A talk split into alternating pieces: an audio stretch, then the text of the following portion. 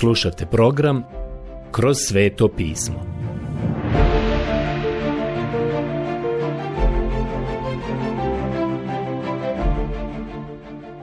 Knjiga Prva Samuelova Odlomak Prva Samuelova Poglavlje 25 od 25. stiha do poglavlja 26 25. stiha Prijatelji, Želim vam reći da mi je žao što smo prošli put morali prekinuti naše proučavanje usred ovako uzbudljive situacije. Zaista nisam namjeravao da ispadne tako. Mislio sam da ću prošli put završiti cijelo 25. poglavlje, ali sam morao da se zaustavim jer nam je vrijeme bilo isteklo. Možda sam zapravo stao na najprikladnijem mjestu, jer vjerujem da je to natjeralo neke od vas da ponovo slušaju naš program i ovaj nastavak kako bi saznali šta se desilo do kraja. Reći ću ponovo malo o tome koja je pozadina ove priče koju sada završavamo ovdje. Nabal je zapravo uvrijedio Davidove glasnike koje je poslao kod njega da zatraže hranu. Nabalovo ime znači budala. On je jednostavno odbio Davida koji je štitio posjed ovog čovjeka, njegove ovce i goveda i sve ostalo.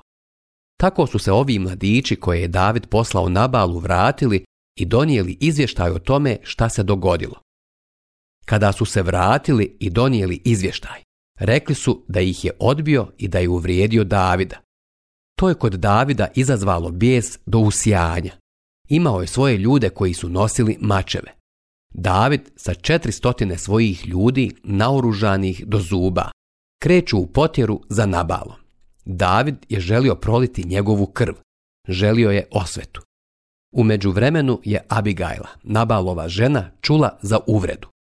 Znala je šta će David uraditi, iako je čula za Davidovu plemenitost i kako je Bog postupio s njim. Htjela mu je poslati hrane i krenula mu je u susret. Poslala je prvo sluge naprijed koji su nosili hljeb, vino, ovce, grožđice i smokve kako bi umirila Davida. Ovo je sjajna slika koju imamo ovdje. Ovdje smo se prošli put zaustavili. David dolazi jašući u punoj brzini, zajapuren od bijesa. Ja mislim da je razgovarao sam sa sobom. srediću tog čovjeka. Ne može se on tako ponašati prema meni. I onda je pogledao niz put i vidio ženu kako dolazi na malom magarcu.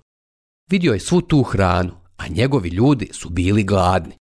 Zastao je pred ovom lijepom ženom i po prvi put David, Božji pomazanik, suočio se licem u lice sa plemenitom ženom koja mu je mislila dobro.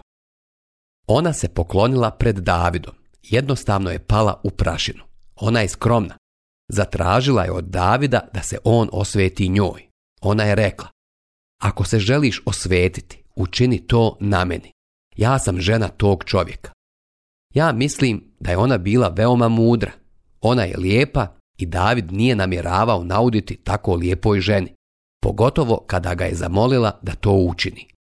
A onda se ona pozvala na ono najbolje u Davidu i posavjetovala ga.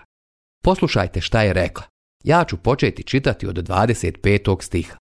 Ona se izvinila zbog činjenice da je njen muž bio budala i bahati grubijan. Poslušajte sada Gospodaru moj, ne gledaj ništa na tog opakoga čovjeka nabala, jer što kaže njegovo ime, to je on. Luđak se zove i on je pun ludosti. Ja, tvoja sluškinja, nisam vidjela ljude što si ih poslao, gospodaru moj. Sada, gospodaru moj, tako živ bio gospodin i tako živ bio ti. Gospodin te očuvao od toga da krvlju i samovoljno pribaviš sebi pravdu. Neka kao nabalu bude onima koji su tebi neprijatelji i koji protiv tebe, gospodaru moj, zlo misle. A ovaj dar, što ti ga je tvoja sluškinja sa sobom donijela, gospodaru moj, određen je za ljude koji tebe, gospodaru moj, prate na tvojim putovima. Oprosti svojoj sluškinji za njezin prijestup. Gospodin će tebi, gospodaru moj, utemeljiti kuću što ima opstanak, jer ti, gospodaru moj, vojuješ gospodnje bojeve. Pa neka se na tebi ne nađe nikakva nepravda dokle god živiš. Prva knjiga Samuelova 25 od 25 do 28. Prijatelj, David je tek na početku. Zlo je tek kasnije ušlo u njegov život. Ali do ovog trenutka David je bio čist kao suza. Živio je za Boga i pokušavao je ugoditi Bogu. Ova mu se žena divila zbog toga. Molim vas, obratite sada pažnju na 29. stih. Ovo je jedna od najznamenitijih stvari rečenih o Davidu. Bilo bi divno kad bi se to moglo reći i o nama. Abigajla je još rekla Davidu sljedeće. Ako se tko digne da te progoni i da ti radi o glavi, ona je ovdje mislila na kralja Šaula, nije ga oslovila po imenu. Čitam dalje. To neka tvoj život, gospodaru moj, netaknut bude očuvan u svežnju života kod gospodina, Boga tvojega. Prva knjiga Samuelova 25.29 Ja mislim da je to jedna od najljepših izjava ikada izrečenih o Davidu. Ovo što je rekla ova žena. Tvoj je život vezan u zavežljaj života sa gospodom Bogom tvojim. Prijatelj, Upravo je to položaj današnjeg vjernika koji je u Kristu. Kao što znate, apostol Ivan to u svojoj prvoj poslanici naziva život vječni. On kaže, vidjeli smo život vječni i misli na gospoda Isusa. On je vječni život. Kada se vi i ja pouzdamo u Isusa kao svoga spasitelja, Duh Sveti nas krsti u tijelo vjernika, a to tijelo je Krist. Apostol Pavle je rekao, Jednim smo duhom svi kršteni u jedno tijelo. Vi i ja smo danas po vjeri u Krista uvedeni u tijelo vjernika, Kristovo tijelo. I za nas se kaže da smo u Kristu i da nema osude za one koji su u Kristu. I tako smo mi vezani u svežan života sa gospodom Isusom Kristom. Ova žena, Abigajla, je to rekla za Davida, da je njegov život vezan u svežnju života sa Bogom ona sada nastavlja. A život tvojih neprijatelja neka on baci kao iz pračke. Prva knjiga Samuelova 25.29 Spomenula je pračku, a David je znao sve o tome. Ja mislim da je to spomenula namjerno jer je tada u Izraelu bilo dobro poznato šta je David učinio. Da je pračkom ubio Golijata. Ona je rekla, baš kao što si ti stavio kamenčić u pračku, i bacio ga iz pračke. I taj kamenčić je pogodio i ubio Golijata. To je način na koji će i tvoji neprijatelji biti izbačeni. Biće izbačeni kao iz pračke. Tako Abigaila govori ovdje. On će ih izbaciti. Ona nastavlja dalje govoriti. Kad onda gospodin tebi, gospodaru mojemu, dade svako dobro što ga je obećao i postavite knezom nad Izraelom, tad neće tebi, gospodaru moj, biti spoticanja zbog grižnje savjesti da si prolio krv nizašto i da si samovoljno sebi, gospodaru moj, pribavio pravdu. Kad onda gospodin tebi, gospodaru moj, udijeli sreću, tad se spomeni i svoje sluškinje. Prva knjiga Samuelova 25, 30 do 31. Ono što Abigaila zapravo kaže jeste sljedeće. Nemojte nam ovo zamjeriti ti ćeš biti kralj. Zapazite sada šta je David uradio. Mogu da ga zamislim kako sjedi na tom konju. Gleda u ovu ženu dole u prašini koja je zapravo u pravu. Ona je lijepa žena i ona je plemenita žena. Divan karakter. David je pogledao na nju koja je ležala dole i rekao sljedeće. Pročitat ćemo sada od 32. do 34. stiha. David odvrati Abigaili. Neka je blagoslovljen gospodin, Bog Izraelo, koji te sada posla meni u susret. Neka je blagoslovljena tvoja mudrost i neka si blagoslovljena ti sama, koja me odvrati sada od toga, da ne idem na krv i da samovoljno ne pribavim sebi pravdu. Jer tako živ bio gospodin, Bog Izraelo, koji me očuvao od toga da ti učinim zlo.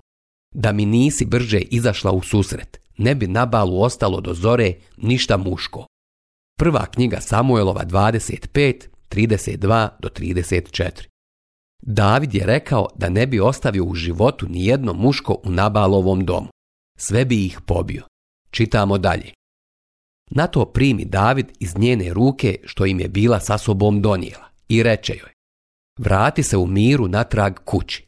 Eto, poslušahte i pogledahte.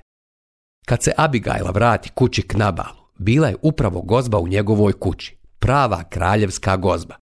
Nabal je bio u najboljem raspoloženju i već vrlo pijan. Zato mu ona ne ispripovijedi ništa do jutra. A ujutro, kad se Nabal bio otrijeznio, priopći mu žena šta se je dogodilo. Tada mu obamre srce u tijelu i on postade kao kamen. Prva knjiga Samuelova 25, do 37. Kao što vidite, ovaj čovjek je imao veliku gozbu te noći ali kada se sljedećeg jutra otrijeznio nakon svega, imao je glavobolju i bol u srcu. To srce je obamrlo i postalo kao kamen. Poslije nekih deset dana udari gospodin Nabala te umre. Prva knjiga Samuelova 25.38 Prijatelji, Nabal je imao srčani udar. Kao što možete vidjeti, dobro je što je Bog intervenisao jer bi u protivnom David imao uprljane ruke zbog ubijstva. Bog nije tako htio, a ni Abigaila nije tako htjela. Šta će on dalje učiniti? Postoji tamo jedna lijepa udovica koja živi u pustinji Paran. Šta mislite da će David učiniti? Rekao bih da je Abigaila jedina žena koja mu je ikada bila dobra. To je za njega bio blagoslov. Obratite pažnju na 39. stih. Kad doću David da je Nabal mrtav, povika. Ovdje zapravo postoji i malo ličnih osjećanja. Neka je blagoslovljen gospodin koji osveti pogrdu naneseno mi od Nabala i mene svojega slugu zadrža od zla. Gospodin pusti da zloča Nabalova padne natrag na njega samoga. Jednog dana posla David i poruči Abigaili da će je uzeti za ženu. Prva knjiga Samuelova 25.39. Kao što znate, kada je ranije došla Davidu, rekla je, nemoj me zaboraviti, sjeti se svoje sluškinje. David je nije mogao zaboraviti. Da li znate zašto? Pa ona je apelovala na ono najbolje u njemu i savjetovala ga je. A on je znao da je taj savjet ispravan i znao je da je voli. Mislim da je to bila ljubav na prvi pogled. David je tada prepoznao Božju ruku. Bog se može poslužiti ljepotom. David se Abigaili zahvalio na njenom savjetu. Kada su njih dvoje stajali tamo tog dana, bile su to dvije velike duše koje su stajale jedna pred drugom. I sada, kada je njen muž mrtav, šta se dalje događa? David je zamolio Abigailu da postane njegova žena. Da li znate šta je bilo dalje? Ona je pristala. David, ogrubjeli vojnik, otpočeo je novi život. Ovo je označilo njega i njegov život. A onda se dogodilo nešto drugo što Bog nije odobrio. To nije razlog zbog kojega je David bio čovjek po Božijem srcu. Ovdje, u 43. stihu, nam je rečeno sljedeće. Iz Izraela dovede sebi David Ahinoamu. Tako postadoše obje njegove žene a Šaul je bio međutim svoju kćer Mikalu, Davidovu ženu, dao Paltiju, Lajšovu sinu iz Galima. Prva knjiga Samuelova 25, do 44. I ovo je jedna važna odrednica u Davidovom životu. Bio je to također jedan početak, ali bio je to početak života grijeha. Prijatelj, grijeh je ušao u njegov život. David je ugrubio i kasnije je došao do toga da je počinio ubijstvo. Kada dođemo do toga, mislim da ću vam moći ponuditi objašnjenje koje je zadovoljavajuće. Međutim, to objašnjenje nije spriječilo Davida da bude grešnik kakav je bio. Neko će sada da kaže, pa kako je Bog mogao reći da je David čovjek po njegovom srcu? Treba da shvatimo jednu stvar. Bog je rekao Davidu, ne možeš učiniti ono što ti želiš, a to je da izgradiš hram. Bog mu to ne bi dopustio. I to je bilo na Davidovu srcu, nešto što je on želio uraditi iznad svega, ali Bog mu to nije dopustio. A onda, kada je David zgriješio, Bog mu je stavio bić i više ga nije skinuo sa njegovih leđa. To ćemo vidjeti malo kasnije, kada dođemo do toga. 26. poglavlje David je ponovo poštedio Šaula. Došli smo do 26. poglavlja. Ovdje možemo da vidimo kako je David ponovo poštedio Šaula u pustinji Zif. Ovdje ćemo primijetiti kontrast između Šaula i Davida. Šaul već zna da je David Božiji izbor, ali uprko svemu tome on ga nastoji ubiti. David zna da je Šaul još uvijek pomazani kralj i poštedio ga je. Bog je onaj koji se treba pozabaviti Šaulom. I hoće. Vidjet ćemo to malo kasnije. Molim vas obratite sada pažnju. Idemo dalje. Ja ću početi čitati 26. poglavlje. Zifejci dođoše k Šaulu u Gibeu i javiše. David se krije na Hakilskom brdu na kraju pustinje. Tada se Šaul zaputi i siđe u pustinju Zif s 3000 izabranih Izraelaca, da traži Davida u pustinji Zif. Prva knjiga Samuelova 26, 1 do 2. Šaul je krenuo u još jednu potjeru, još jedan pohod da pokuša uništiti Davida. Dogodilo se sljedeće. David je bio u pustinji i vidio je da je Šaul krenuo u potjeru za njim. David je poznavao tu pustinju, a Šaul nije. David je znao kako može da se sakrije i skloni od Šaula. Možemo primijetiti da je on postao dobar vojnik. Poznavao je teren i to područje. I to ga je učinilo vještim vojskovođom. David je uz sebe imao odane ljude koji su bili spremni umrijeti za njega i sa njim. A to je bila velika stvar. Šaul nije poznavao teren, a i njegovi ljudi nisu bili lojalni koliko bi trebali biti. I on je sigurno sumnjao u njih.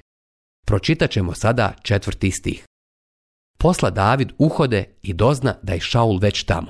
Prva knjiga Samuelova 26.4.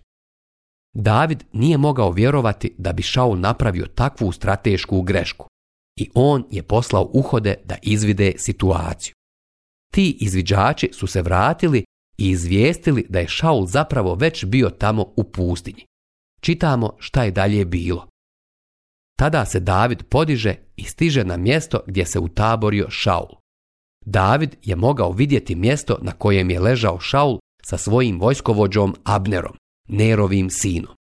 Šaul je naime ležao u vojnom logoru, a vojska se je utaborila oko njega. Prva knjiga Samuelova 26.5 David je bio u poziciji da sve to posmatra. Mogao se sakriti u toj divljini. Tada se David podiže i stiže na mjesto gdje se je utaborio Šaul. David je mogao vidjeti mjesto na kojem je ležao Šaul sa svojim vojskovođom Abnerom, Nerovim sinom. Šaul je naime ležao u vojnom logoru, a vojska se je utaborila oko njega. Tada se David obrati Hetitu Ahimeleku i Abišaju, sinu Sarvinu, Joabovu bratu, i upita Ko će sići sa mnom k Šaulu u tabor? Abišaj odgovori, ja ću sići s tobom. Tako se David i Abišaj došuljaše noću k ljudima. Šaul je ležao i spavao u vojnom logoru. Koplje mu pokraj glave zabodeno u zemlju. Abner i vojska ležali su oko njega. Prva knjiga Samuelova 265 do 7. Pored svog uzglavlja, Šaul je samo zabio svoje koplje u zemlju. I šta se dogodilo? Abišaj reče Davidu, danas ti dade Bog tvojega neprijatelja u ruke. Zato pusti da ga pribodem njegovim kopljem za zemlju jednim jedinim udarcem. Ne trebam drugi. Prva knjiga Samuelova 26.8 Ono što Abišaj kaže je ovo. Ako mi samo dozvoliš, ja ću mu zadati samo jedan udarac. To je sve što je potrebno i riješit ću te tvog neprijatelja a David odvrati Abišaju, ne ubijaj ga, jer tko bi podigao ruku na gospodnjega pomazanika, a da bi ostao nekažnjen. Prva knjiga Samuelova 26.9 Kao što možete vidjeti, David je ovdje ponovo odbio da ubije Šaula. Iako je imao priliku, on je nije htio iskoristiti. Tako živ bio gospodin, nastavi David, ili će ga gospodin ubiti ili će doći njegov dan, kad mora umrijeti ili će izići u rat i poginuti. Prva knjiga Samuelova 26.10 Rekao je da će se Bog pobrinuti za njega. Moja je osveta, ja ću je vratiti, govori gospod. David se ponaša u skladu sa tim principom. Pročitat ću sada 11. i 12. stih. Ali neka me sačuva gospodin od toga da dignem ruku na gospodnjega pomazanika. Uzmi dakle koplje pokraj njegove glave i čašu za vodu. Onda hajdemo. I uze David koplje i čašu za vodu pokraj Šaulove glave i udaljiše se. A da to nitko nije vidio ni opazio. I nitko se nije probudio. Što više, svi su spavali, jer je bio došao na njih dubok od gospodina poslan san. Prva knjiga Samuelova 2611 do 12. Rekao bih da to nije bilo teško, jer ne mislim da su Šaulovi ljudi baš bili previše odani njemu.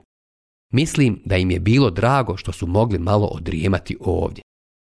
Čitam sada 13. stih. David ode onda na drugu stranu i stade na nekoj udaljenosti na vrh brda, tako da je među njima bio veliki prostor. Prva knjiga Samuelova 26.13. David se sada povukao, ali ne prema svojim ljudima, otišao je skroz sa druge strane i bio je na sigurnoj udaljenosti odakle je lako mogao pobjeći. I povika David vojsci i Abneru, Nerovu sinu, ovako. Što se ne odazivaš, Abnere? Abner odvrati. Tko si ti da buniš kralja? Prva knjiga Samuelova 26.14. Ja mislim da je David ovdje bio veoma sarkastičan kada je dozivao Abnera, koji je bio Šaulov kapetan i trebao ga je štititi. David odvrati Abneru. Ti si ipak junak.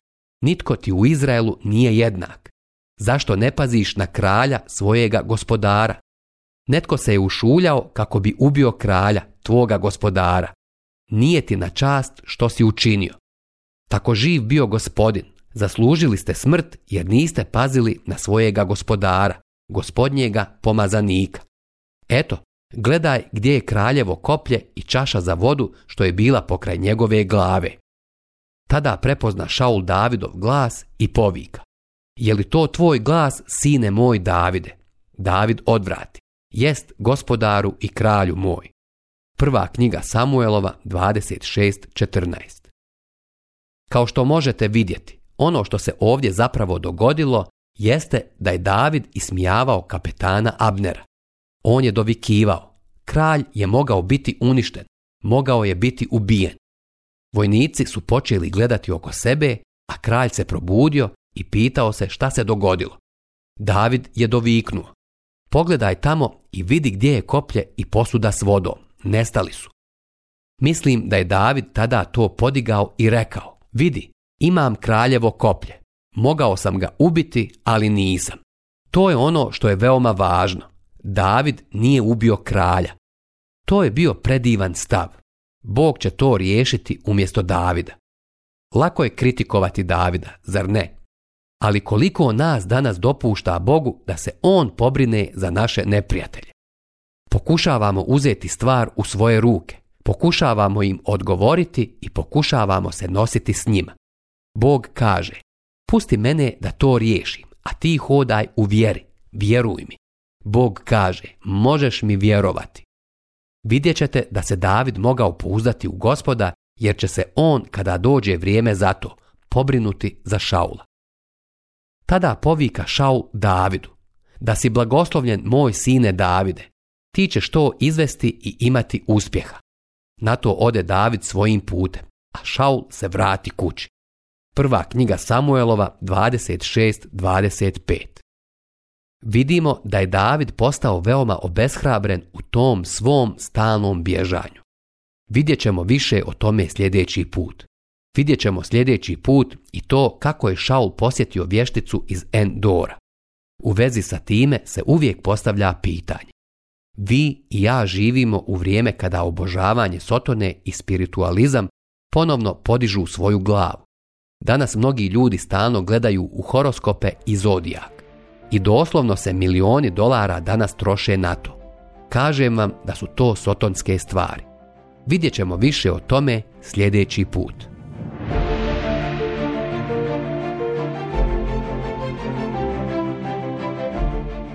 Slušali ste emisiju Kroz sveto pismo. Možete nas slušati i na našem YouTube kanalu putem mobilne aplikacije te na svim glavnim podcast platformama kao što su Google, Apple i Spotify. Ako vam se naši programi dopadaju, preporučite ih i podijelite s drugima. Budite slobodni da ostavite svoj komentar ili nam pišite na našu e-mail adresu kroz sveto at gmail.com Zapratite našu stranicu kroz sveto pismo BiH na Facebooku i na Instagramu. Emisije iz ove serije možete pronaći na našoj stranici ttb.com duplove rtačkaor